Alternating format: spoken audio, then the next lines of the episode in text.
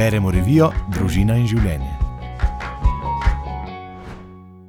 Boli hrbtenica, ker bolita duša in duh? Dve gospe si voščita za novo leto. Prva pravi: O, samo da bo zdravje, potem vse drugo pride samo od sebe. Druga pa se pošali: Ni dovolj samo zdravje. Na Titaniku so bili vsi zdravi, pa kaj jim je to pomagalo? Po poklicu sem fizioterapeutka in delam v zdravstvenem domu.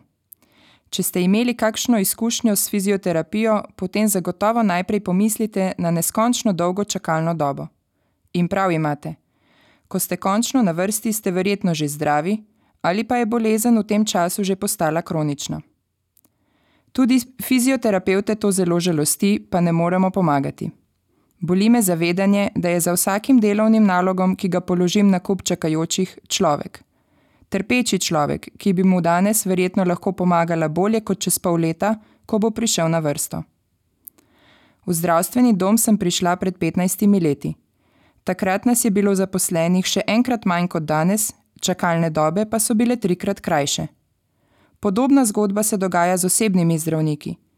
Več jih je kot včasih, a jih glede na potrebe ljudi zelo primankuje. Postali smo bolno ljudstvo. Spremenil se je naš odnos do življenja. Vsi bi želeli biti vedno mladi, zdravi, vidki in uspešni. In ko nam zdrava pamet in emša pravita, da vsaj mladi ne moremo biti več, bi želeli biti vsaj vitalni. Reklame mi povedo, da če si nalepim pravi obliž ali jemljem prava prehranska dopolnila, bom to brez težav dosegla vsekakor brez kakšne napornejše vadbe in samodiscipline.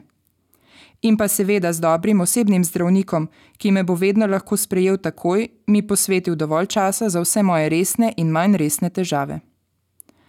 In tudi, če so izpolnjeni vsi zunanji pogoji za srečo, se zgodi izgorelost ali depresija.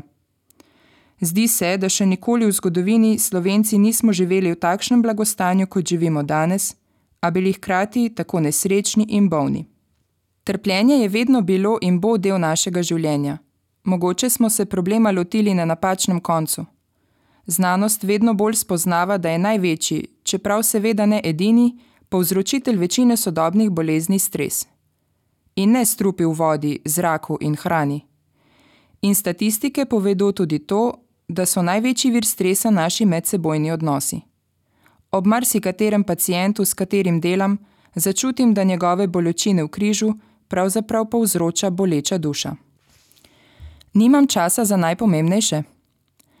Kot fizioterapeutka pacijentom predlagam tudi terapevtske vaje, a mi marsikdo že vnaprej pove, da jih ne bo delal, ker nima časa. Dan ima 24 ur, ki se jih ne da raztegniti. Vanje ni mogoče stlačiti več. Bolje bi bilo pogledati, kaj bi lahko vzeli iz njih, Ko pridejo prazniki in počitnice, se neskončne kolone vozil valijo proti turističnim krajem, kjer ljudje potem skoraj hodijo drug po drugem. Za počitek v miru, gibanje v naravi in pogled v oči najpomembnejših ljudi v našem življenju, pa ni časa in priložnosti. V zakonskih skupinah imamo nalogo, da gremo enkrat na mesec so zakoncem na zmenek. Mnogo parov pove, da niso šli, ker niso imeli časa. Zakaj porabimo svoj čas če ga potem zmanjka za najpomembnejše: za počitek, za pogovor s zakoncem, za preprosto igro z otroki. Potem pa boli duša.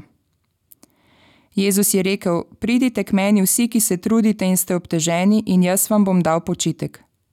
Počitek tako zelo potrebujemo, a saj tudi za bogani časa.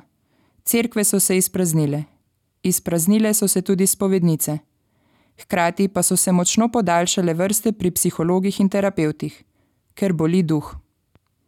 Pred nami so poletne počitnice.